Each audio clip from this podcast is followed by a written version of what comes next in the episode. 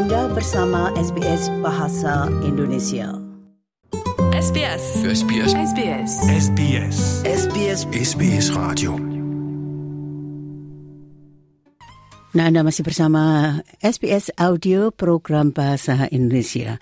Selanjutnya kami akan mengangkat topik yang lain yaitu tentang iPhone 12 Pendengar, itu. Apple telah diperintahkan untuk menarik iPhone 12 dari pasar di Prancis di tengah klaim bahwa iPhone 12 memancarkan tingkat radiasi elektromagnetik yang terlalu tinggi.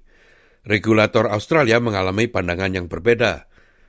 Dikatakan bahwa meskipun mereka sedang mempertimbangkan keputusan di Prancis itu, namun tidak ada bukti iPhone 12 tidak memenuhi standar Australia. Berikut ini laporan tentang hal itu yang disusun oleh Ciara Hein untuk SBS News.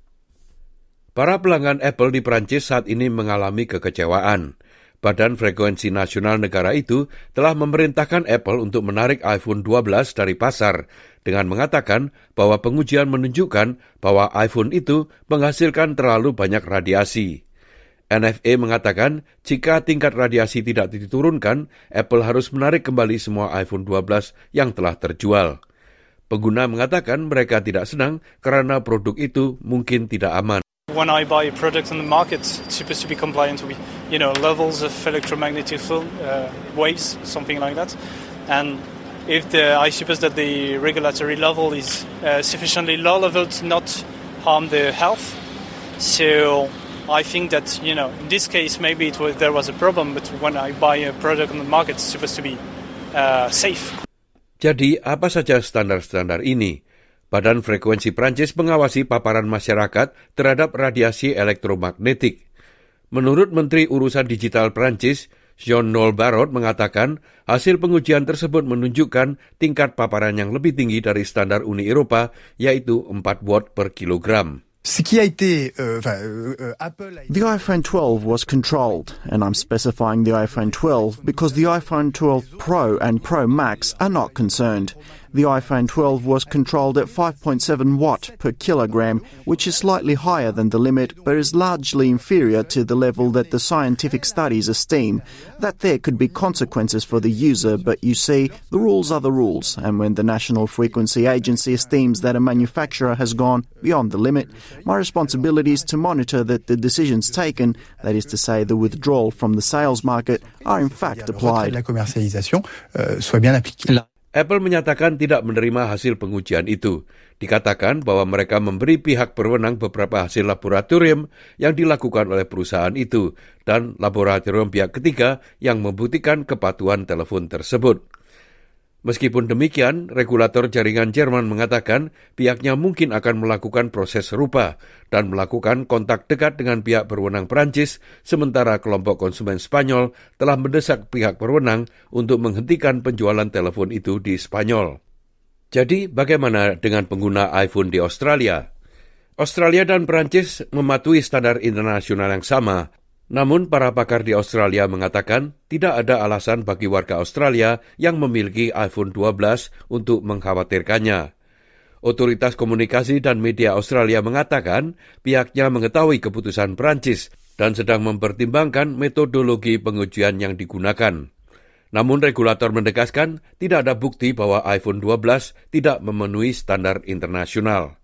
Associate Professor Ken Karibidis adalah asisten direktur penelitian dampak kesehatan di Badan Perlindungan Radiasi dan Keselamatan Nuklir Australia. Ia menjelaskan bagaimana standar-standar itu ditetapkan dan mengapa standar-standar tersebut dijaga tetap rendah. So mobile phones emit what we call radio waves, right? Uh, it's not just mobile phones that emit the radio waves, anything, all wireless telecommunications. So Wi-Fi, radio, TV, all those sorts of things. We take that level of 40 where you see health effects and we put safety factors in that. And the reason why we do that is um, because there could be variations in the population, uh, there could be uncertainty in the science. So we put a safety factor of 10 and, and, and we set the level of 4 and that becomes the, the, that becomes the limit. Profesor Karibidis mengatakan para pengguna iPhone 12 di Australia tidak perlu khawatir. Health effects occur at uh, more than 40 kilowatts, uh, more than 4 watts per kilogram. So, you know, they occur at much, much higher levels. So we do set the limits conservatively. So um, there's nothing to worry about. Even if so, even if uh, a phone was exceeding the the limit, um, it wouldn't cause any health effects. There's nothing for for Australians to be concerned about. The Australian Communications and Media Authority, which regulates telecommunications, require all manufacturers to test their phones before they're sold in Australia. So we don't believe that issue would happen here anyway. Demikianlah tadi sebuah laporan tentang iPhone 12 yang dikatakan memiliki radiasi tinggi yang ditulis oleh Ciara Hain untuk SBS News dan disampaikan oleh Ricky Kusumo. Nah itulah tadi Bapak Ricky Kusumo dengan rangkumannya tentang atau terkait penarikan iPhone 12 itu.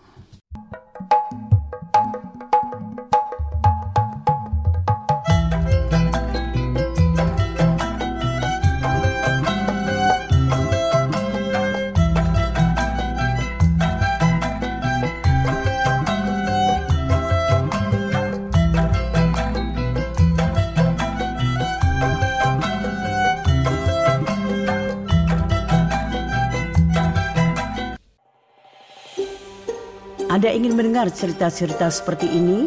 Dengarkan di Apple Podcast, Google Podcast, Spotify, atau di mana pun Anda mendapatkan podcast Anda.